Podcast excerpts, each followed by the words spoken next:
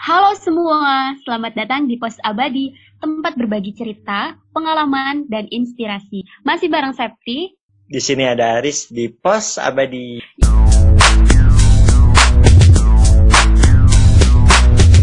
Yeay! Benar-benar. Aris dari tadi belum nanya nih kayaknya. Dia Oh iya, sebagai sosok laki-laki gimana nih? Oke. Mau nanya, eh, sebenarnya mau menganalisis dulu gitu ya. Kalau ngelihat Zulfa untuk eh, yang datang dari Banjarmasin atau Kalimantan Selatan ya, Barat ya, Iya, benar. Kaget loh. Kalau misalnya ngelihat, kalau dengan suaranya Zulfa ini bukan kayak orang dari daerah, tapi dari orang Jabodetabek. Oh iya. Ngomongnya lancar banget gue lunya, sumpah. Kayak anak Jabodetabek banget gitu. Dan kelihatan banget kayak pergaulan yang anak gaul tuh kelihatan banget. gitu. Jadi kayak, Oh iya, iya, Mak. Uh, uh, karena emang sih circle gue tuh kayak gitu sih di Banjarmasin. Iya, iya. Terus juga kayak ngeliat apa yang diomongin Zulfa itu sebenarnya untuk di Jakarta kan karena gue ada di Jakarta ya dan hal itu sebenarnya bukan suatu hal yang asing ya di Jakarta tuh. Itu banyak banget itu. Banyak banget. Bahkan eh, untuk Zulfa yang bisa membentengi dirinya tidak pakai drugs gitu ya. Terus ngeliat teman-teman gue gitu yang SMP aja udah pada make gitu kan kayak lucu juga kayak Iya, oke untung lah SD gitu. malah udah pakai gila. SD bahkan ada yang SD loh, iya. Iya, temen gue SD gila emang. bahkan makanya itu di di sekolah coba Yes, di sekolah, di WC makanya. dan cewek juga cewek gitu tuh aduh Ya, di- benar, di cewek gue juga. tuh, dia di sekolah tuh ada cewek dia di belakang ngisep ngisep nyebat terus nyebat kayak ini baunya kok bukan rokok beda sekali baunya di belakang gitu Rata-rata anak orang kaya. iya gitu dan Iya, emang kayak bawa rata-rata emang gitu. bawa tupperware tuh isinya cio gitu kayak Oh my god.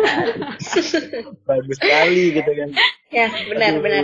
kayak eh emang sih itu itu bener banget gitu dan apa ya gue tuh ngerasanya gue sangat beruntung di mana tuh teman-teman gue gue ngeliat banget teman-teman gue tuh yang sampai hamil duluan itu alasan gue membangun kayak kayaknya memang gue tidak merasakan ya jatuh ke tahap itu karena gue sangat membentengi tapi gue berpikir gimana mereka yang memang berada itu yang mereka lemah mereka tuh nggak salah sebenarnya mereka tuh korban gitu gue tuh pengen ngasih tahu anak broken home tuh sebenarnya korban mereka nggak salah nah eh, yang perlu dibentingi adalah gimana kita tuh jadi supporting system buat itu sih Riz Oh ya, oke. Nih, gue ada yang mau gue perdebatkan kalau uh, Hmm. mendengar kata-kata baru. Artinya ketika orang apa seorang apa seorang anak korban broken home, dia itu sama saya tidak salah walaupun dia berbuat tidak baik. Apakah benar? Hmm, menurut Oh. gua ini ini dari sisi gue ya Iya.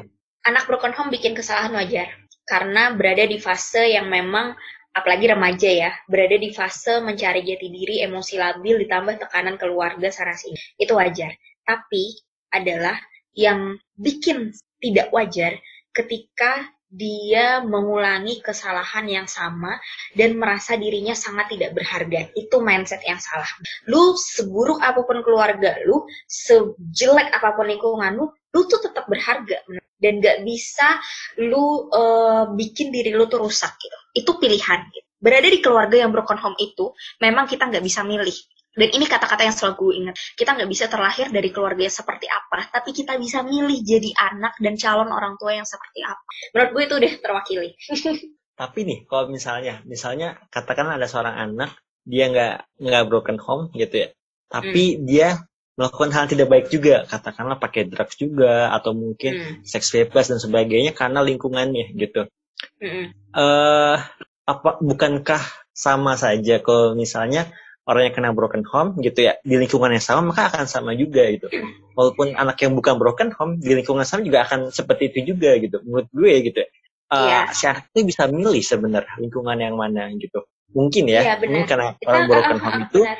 punya mindset kayak lebih tertekan jadi mungkin ya lebih cenderung ikut orang aja gitu ya Iya, Dan benar. Mm-mm. kasihannya kasihannya gitu kayak eh, untung-untungan tuh dia dapat yang mana gitu kan benar benar benar.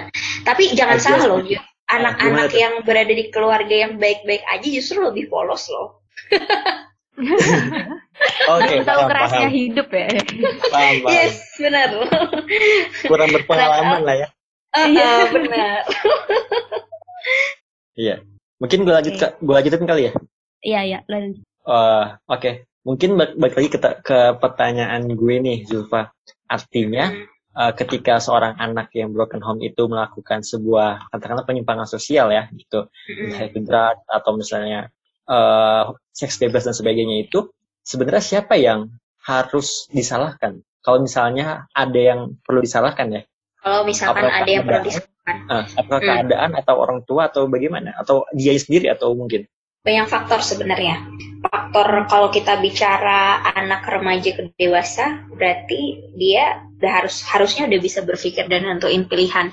Artinya nggak bisa nyalahin faktor keluarga atau keadaan lagi. Artinya tanda kutip eh, yang harus disalahkan Nggak enak banget ya bahasanya disalahkan anjir. yang harus difonis sebenarnya ya diri dia, dia mau berubah apa enggak. Tapi ketika berada di fase eh, anak-anak sampai remaja, ya maksudnya sebelum dewasa itu memang faktor penentu memang orang tua entah itu orang tuanya atau orang tuanya harmoni karena ada juga kasus temen dia tuh jadi eh, jadi gay Hmm. orang tuanya harmonis loh harmonis banget bahkan dari keluarga yang s- apa ya taat agama gitu. tapi dia nyeleweng gitu. nggak bisa disalahin juga kan anak yang ber, apa mereka dari keluarga yang broken home apa enggak kayak gitu. nah terus habis itu eh eh, faktor yang kedua adalah dari lingkungan. Karena kalau keluarga itu kuat keluarga itu kuat lingkungan pasti akan apa ya lingkungan itu kan eksternal ya keluarga itu internal. Kalau gue percaya kalau ketika internal itu kuat otomatis yang di luar itu dia mungkin bisa mempengaruhi. Tapi ketika terpengaruh itu pasti nanti akan ada yang menasehati lagi akan ada yang mencoba untuk meluruskan lagi gitu. Tapi tanda kutip lagi itu tergantung anaknya. Kalau anaknya em, memang ternyata lebih kuat faktor eksternal ya dia memang tidak tidak percaya dengan orang tuanya dan sebagainya bisa jadi seperti itu. Jadi hmm, ini tuh lebih ke ilmu sosial yang kita susah untuk menebak karena banyak faktor yang aku bilang tadi. Bukan kayak dua kali dua langsung empat mutlak gitu. Gitu Hmm, berarti eh, kita nggak bisa bilang bahwa selamanya anak ini jadi korban setelah mereka Nah, eh, broken bisa. home gitu.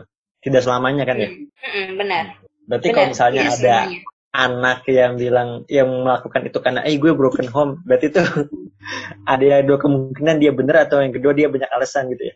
ya Iya. benar dia ba- nih ya kalau udah di masa mahasiswa kayak gini dia nyalahin kan gue anak gue banyak loh ketemu teman-teman gue yang yang gue bilang tadi anak broken home itu cenderung egois dan bilang gue kan kayak gini lo harus ngertiin gue ini sebenarnya salah teman-teman.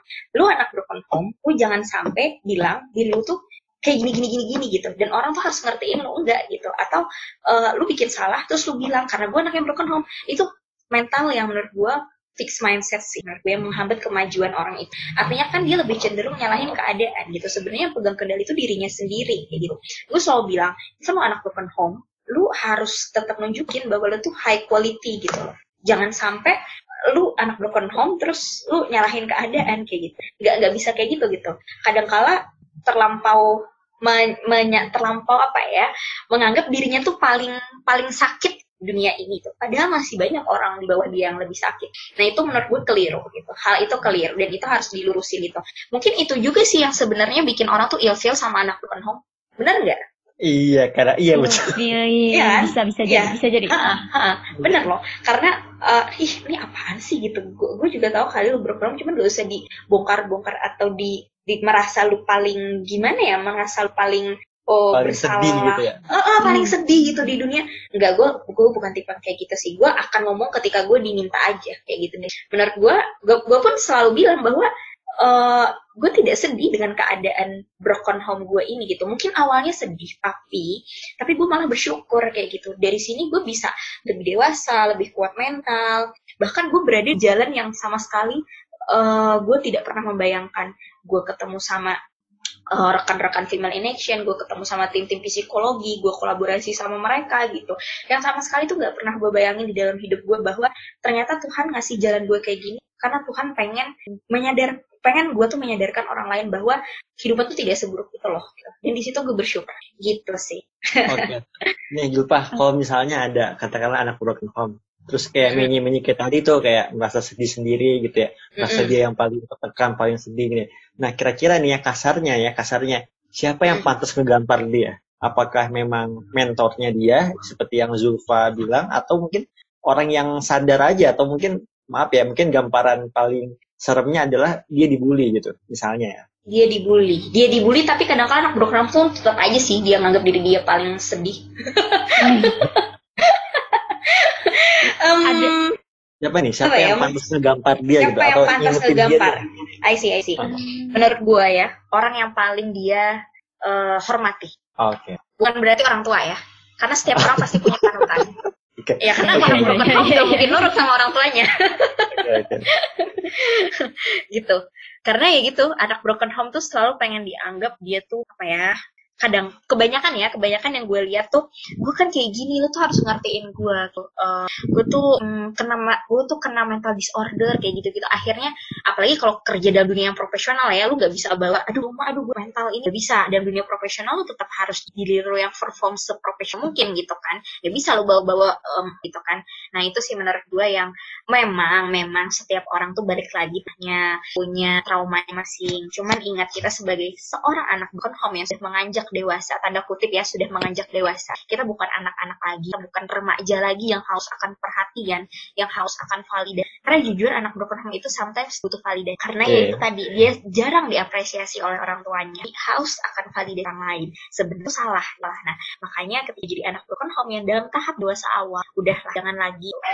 Ya eh, lu berpikir lebih dewasa bukan dunia yang harus mengerti lu tapi lu harus memahami bahwa lu yang harus ngertiin diri lu sendiri dan lu harus berdamai sama diri lu sendiri kayak gitu gitu Oke, berarti nih gue coba narik kesimpulan ya. Artinya Hmm. kalau misalnya misalnya kita pengen katakanlah nyelamatin teman kita yang kena broken home dan dia tuh merasa sedih sendiri gitu ya. Berarti kita harus Hmm. jadi orang yang mungkin ya yang Hmm. menjadi orang yang dihormati oleh dia dulu. Seenggaknya lu dipercaya sama dia. Seenggaknya Minimal. percaya dulu kali ya. Oh, ya nggak harus dihormati karena broken home tuh susah loh ngehormatin orang. Susah untuk oh iya loh. Dia tuh agak agak cenderung kan saya ya? Egonya tuh tinggi lumayan tinggi gitu. Jadi agak susah ya. Kalau misalkan nggak nggak usah deh ter, eh, harus dihormati dulu gitu. Minimal dia trust dulu sama lu. Minimal dia trust dan eh, di situ lu bisa menasihati secara perlahan menasihati pun tidak bisa yang eh lu kok gitu sih kan harusnya gini gini gini nggak bisa coy nggak bisa kayak gitu anak broken home tuh harus lembut simple tapi kena kayak gitu gitu Oke. Mungkin Iya. gue mau cerita nih sama eh, cerita tentang temen gue ini. Temen gue ini menarik banget dia. Ini orang ini kan temen gue ini orangnya broken home ya, kena broken Mm-mm. home. Tapi tuh santai banget orangnya gitu, santai banget. Gitu. Jadi kayak cuek nggak orangnya eh hmm, dia tuh nggak dia tuh sama temen-temennya tuh biasa aja gitu ya. Tapi dia tuh tidak pernah membahas tentang dirinya sih gitu. Hmm, hmm, hmm. Jadi kayak kalau nongkrong misalnya canda biasa, ngobrol biasa, ngata-ngatain orang biasa, tapi dia tidak pernah membahas eh, kesedihannya dia di depan orang lain gitu. ya benar gitu. Tapi ya kita teman-temannya tahu tuh. Nah, suatu hari dia mungkin lagi besar-besarnya masalah, kita sempat kayak aduh pengen care lah sama dia kan teman juga ya. Eh gimana bro gitu.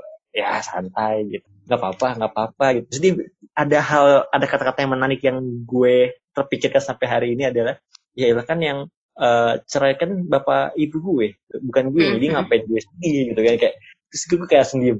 Oke, ya benar untuk benar anak SMP untuk anak SMP yang bisa Heeh. mikir gitu kan jauh lebih dewasa kan gue nggak pernah Iya. kepikiran ngomong begitu kan Eh, kepikiran kayak ternyata orang tuh anak yang umur SMP kena broken home tuh bisa ngomong gitu ternyata. Heeh, emang. Bener kita tuh emang dituntut dewasa sebelum waktunya gitu. Tapi bener kata dia gue juga sering berpikir kayak gitu gitu. Kayak ya udah yang rus bukannya rusak sih ya yang cerai dan yang bertengkar kan mama papa gue gitu. Selama duit gue jalan gue happy gue bisa nge-reach mimpi-mimpi gue ya why not gitu. Gue sempat berpikir seperti itu loh. Jadi kayak ya kan mereka sampai gue berpikir ya nggak apa-apa. Kita nggak bisa nyalahin mereka. Mereka punya jalannya masing-masing. Mama nuntut papa karena punya alasan papa nuntut mama karena mama punya kekurangan dan punya alasan juga gitu. Jadi di situ gue benar-benar dewasa sebelum waktu. Jadi kayak ya jadi kayak apa ya? Ya ada positif minusnya sebenarnya gitu. Dan ya jujur ya gue tuh sebagai anak broken home kadang-kala kesel sama anak yang broken home terus dia kayak nunjukin kesedihannya kayak udah kayak dunia tuh serasa hancur aja. Kayak anjir lu nggak segitu banget kali gitu gitu sih kalau kata gue jadi ya hmm, mulailah untuk berpikir lebih dewasa dan lebih enjoy dengan diri sendiri gitu. Oh, ya. Dan nih dan ketika lo berpikir bahwa kayak ya udahlah yang cerai ini kan orang tua gue bukan gue ngapain gue ribet. Uh-uh. Ketika lo begitu lo lebih merasa lebih bahagia atau mungkin lebih merasa lebih kayak gimana gitu karena kan sebenarnya gini gue mau gue mau nggak mau kan bilang bahwa itu hmm. hal yang sebenarnya bukan menyenangkan juga buat kita yes. kan ya walaupun itu bukan kita yang merasakan. Hmm. gimana gue mau bongkar sesuatu. Sebenarnya itu kata-kata kuat di luar rapuh di dalam. Oke. Okay. ya gue gue bilang kayak gitu. Anak broken home tipe kayak gitu sama juga kayak gue kita nggak mau nunjukin kesedihan kita di depan. Sebenarnya rapuh rapuh. Kadang kala kita tuh nangis sendiri di dalam kamar Serius deh. Tapi, tapi jangan sampai dunia dan orang-orang yang kita sayang itu melihat hal itu. Gak perlulah gitu, cukup diri kita sendiri aja yang tahu. Sebenarnya ketika mereka berbicara seperti apa ya, mereka tuh sebenarnya berusaha untuk tidak peduli. Tapi, tapi tanda kutip, sebenarnya hati uh, peduli gitu. Hati itu sebenarnya kok bisa ya, kok gini ya gitu. Pasti itu terpikir kayak. Gitu. Cuman ya itu tadi, setiap orang punya pilihan. Dan gue sama dia mungkin yang kita sama, sama-sama memilih untuk ya udah cukup kalau urusan keluarga gue, urusan keluarga gue, pertemanan gue, pertemanan gue, dan profesional gue, profesional gue. Kita tidak bisa mencampurkan itu gitu. Atau kita ingin dunia ngeliat itu, itu nggak bisa. Gitu sih, kalau kata gue. Sebenarnya aku tahu kalau ngomong kayak gitu. Sumpah deh. Kelihatannya aja cuek di luar, atau mungkin kelihatannya aja eh, nggak uh, apa-apa di luar. Tapi sebenarnya ada luka yang tersimpan. Ada yang mau ngasep? Nah, lanjut.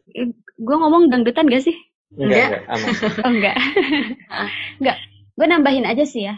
Uh, salah satu faktor yang kuat juga buat si anak broken home ini ngelakuin hal buruk atau enggak menurut gue itu lingkungan bener-bener uh, kuat. banget.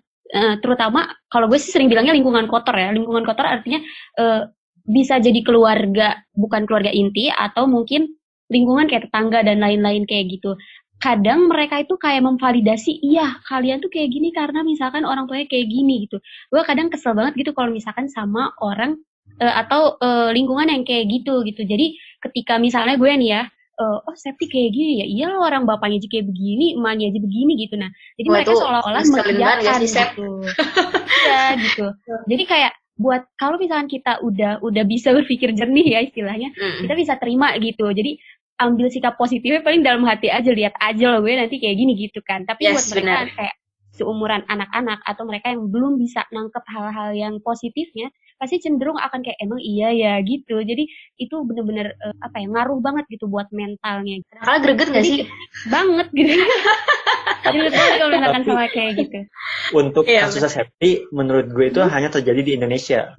Karena di luar negeri itu orang tuh nggak peduli sih sama gituan yang ya masa bodoh gak sih? Ya udah. Iya, uh, iya. Di luar negeri ya. Di Indonesia uh, beda iya, sih. Iya, iya. Oh, Indonesia Indonesia mah oh.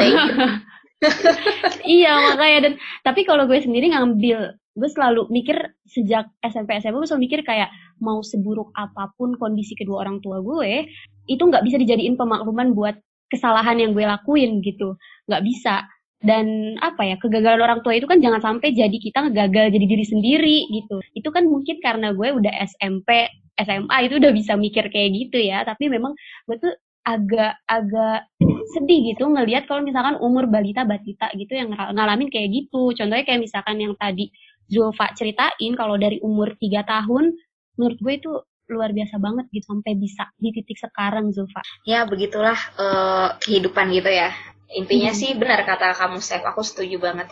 Uh, mulut-mulut butejo itu. Mulut-mulut butejo itu sebenarnya menjadi batu loncatan buat kita. Selama kita ya kesal di awal nggak apa-apa. Tapi selama kita berpikir positif gue bisa gue harus lebih baik daripada uh, yang mereka bilang. Dan selama lu nggak merasa itu ya lu jangan pernah terpengaruh dengan hal itu. Jadi just do the best for yourself gitu. Karena diri lu sendiri yang menentukan kesuksesan lu dan kebahagiaan lu gitu. Bukan dengan lu menyalahkan keadaan atau mendengarkan perkataan orang lain. Itu sih kalau dari gue. Setuju banget. Oh ya, ngomong-ngomong yang female in action itu berarti salah satunya buat uh, ngerangkul orang-orang dari broken home juga atau gimana? Kebanyakan sih uh, kita ada fitur reporting ya, aplikasi di Play Store reporting itu pelaporan kekerasan seksual dan psikis atau fisik. Nah di situ tuh rata-rata kebanyakan ada yang trauma dari ayah, trauma KDRT atau mungkin mereka yang kena relationship, kebanyakan seperti itu. Sampai pada akhirnya kita juga ada teori tentang sex education gitu kan. Nah di situ kayak ke, banyak dari mereka yang mengalami trauma tuh bahkan uh, apa ya hmm, akarnya ya memang mereka melihat itu melihat perilaku menyimpang itu dari orang tuanya gitu sih. Hmm. Oh uh, penasaran juga nih kalau misalkan mungkin kalau ada orang yang pengen tahu uh, misalkan ada orang yang memang broken home karena mereka udah sadar sendiri gitu makanya mereka cari tahu informasi tentang itu mulai hmm. ngikutin uh, komunitas yang uh, sama gitu sama yang mereka rasain dan mungkin buka aplikasi tadi yang udah dikasih tahu sama Zulfa tapi kepikiran gak sih dari female in action sendiri ini gimana sih cara ngerangkul mereka yang sebenarnya mereka sendiri belum sadar sama kondisinya gitu masih ya, menjadiin broken home ini sebagai alasan buat merusak dirinya sendiri gitu hmm, hmm. ya yang pertama kita harus ngebangun dulu lingkungan yang sadar bahwa broken home itu bukan aib. Itu pertama. Terus yang kedua, kita harus, terus khusus perempuan ya, kita harus menyadari bahwa diri kita tuh sangat-sangat berharga. Bahkan seorang laki-laki pun juga harus berpikir bahwa dirinya tuh hmm, lu tuh penentu apa ya? Lu tuh leader gitu loh. Kalau untuk laki-laki gue selalu bilang seperti itu. Kalau perempuan lo akan menjadi penentu perad the next peradaban kalau laki-laki kamu tuh leadernya gitu. Jadi kita sama-sama bahu membahu tidak ada sistem saling menyalahkan atau menuntut satu sama lain gitu.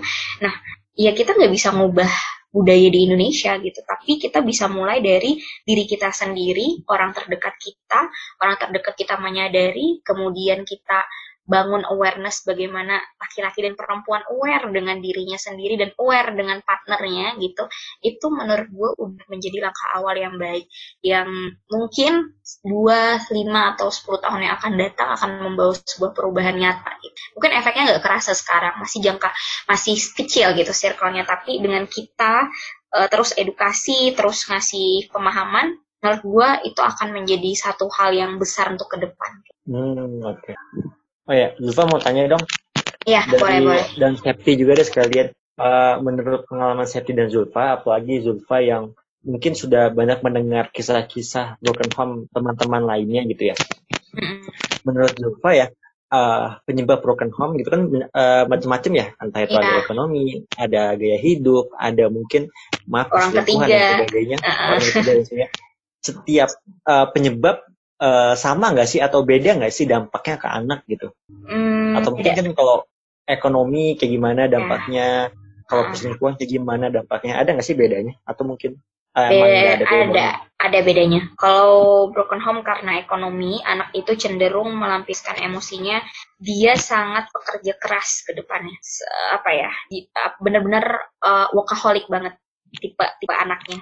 Nah, atau bisa jadi juga dia benar-benar apa ya benar-benar ya itu tadi aku bilang melampiaskannya tuh dengan balas dendamnya dengan cara itu gitu efek mentalnya. Terus kalau misalkan uh, perselingkuhan karena aku juga pernah ngerasain itu. Papaku juga selingkuh bahkan punya selir tiga. Ya okay. uh, eh, dan di situ mama aku nggak mau melanjutkan dan akhirnya mereka berpisah gitu. Dan aku ngelihatnya adalah kenapa papa aku ngelakuin hal itu? Karena sebenarnya broken home tuh kayak lingkaran setan yang aku bilang. Sepersis kayak lingkaran setan orang tua melakukan kesalahan, anak melihat, anak trauma, akhirnya anak melakukan kesalahan lagi, dan akhirnya lagi anak selanjutnya melakukan uh, pola yang sama lagi. Uh, efeknya adalah ketika anak perempuan melihat perselingkuhan, ya dia akan sedikit takut untuk berkomitmen, bahkan sangat uh, selektif. Kalau laki-laki bisa jadi dia melakukan uh, pola yang sama ya melakukan perselingkuhan juga gitu karena tidak melihat bagaimana sih sosok laki-laki yang sebenarnya seperti itu. Nah, terus juga dari segi mental udah pasti, udah pasti cenderung lebih besar kemungkinan ya sekitar 80% terkena mental illness gitu sih. Hmm. Karena emosinya bergejolak ya aku bilang tadi itu nggak bisa dipungkiri emang bergejolak. Betul banget. Udah mewakili banget sih yang dibilang sama Zulfa. Tapi yang ditambahin lagi mungkin kalau misalkan KDRT jelas-jelas biasanya anaknya akan cenderung jadi keras juga atau hempang tangan. Jadi gampang juga buat main tangan kayak gitu biasanya hmm. yang gitu. Iya benar. Apalagi kalau laki-laki ya. ke ke ini banget dia dia dia lebih lebih keras bahkan kayak suka berkelahi kayak gitu kadang kala iya ya, sih banget benar-benar oke okay. udah ini seru banget obrolan kita malu ini bener-bener padat banget isinya Oke, eh Zulfa, biasanya Ya. kita kalau di akhir sesi ini pasti kita minta closing statement dari narasumber. Nah, kali ini mau closing statement dari Zulfa dong buat topik tentang broken home ini. Eh, closing statement dari aku, eh broken home itu bukan alasan untuk kita nggak maju, untuk kita sedih, untuk kita insecure, atau untuk kita menyalahkan keadaan. Ingat ya, eh, setiap orang tuh punya jalannya masing-masing kayak gitu. Kamu nggak bisa ngebandingin kehidupan kamu dengan orang lain gitu. So, syukurilah skenario yang sudah Tuhan buat untuk kamu. Kalau Tuhan sudah mentakdirkan itu berarti kamu kuat di jalan kamu gitu. Dan yang terakhir adalah kita tidak bisa memilih terlahir dari keluarga apa, orang tua yang seperti apa kita nggak bisa milih. Tapi kita bisa milih sebagai anak yang sudah menganjak proses menuju dewasa.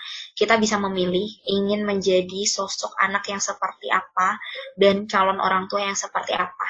Karena uh, pilihan diri kita sendiri yang menentukan, bukan orang tua kita atau lingkungan kita yang kadangkala uh, bisa membawa ke arah yang negatif. Oke, setuju banget sama Zulfa. Mulai dari obrolan pertama sampai akhir setuju banget. Oke, oke. Makasih banyak Zulfa udah mau join di sini. Kapan-kapan kita bisa ngobrol lagi tentang topik lain ya, karena seru banget apa yang udah kita Iya. obrolin hari ini. Tadi kayak ada beberapa yang topik yang dikasih tahu sama Ulfa seru tuh. Tadi yang Apa ada tuh? pertama Yang yang mana? mental illness.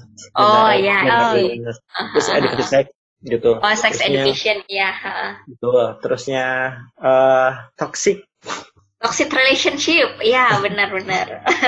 Boleh, boleh, topik boleh. yang tiga, tiga topik yang sangat berputar-putar di kehidupan Iya, benar. remaja nggak sih? Iya, benar-benar. gitu. Oke. Sering. Salah ya gitu. Oke. Seru nih kayaknya. Udah langsung waiting list ya itu ya. Tunggu nanti kita ngobrol lagi. Ya, ditunggu. Oke, makasih banyak banget Zulfa. Semoga proyeknya Female in Action, terus bukunya atau apa pun yang eh, di mau dicapai sama Zulfa, semoga cepat tercapai dan semoga eh, dapat juga ya eh, kebermanfaatan buat teman-teman yang lain yang ngedengerin dan Amin. ikut kegiatan-kegiatan dari komunitasnya Zulfa. Hmm. Terima kasih banyak sekali lagi. Makasih teman-teman semua. Jangan lupa follow Instagram kita di post.abadi. Share juga cerita kalian. Boleh ke Instagram lewat DM atau boleh ke email kita post.abadi podcast eh postabadi podcast at gmail.com. Oke. Keren. Dadah. Makasih ya Zulfa. Thank you semuanya. Semoga manfaat Iya. ya.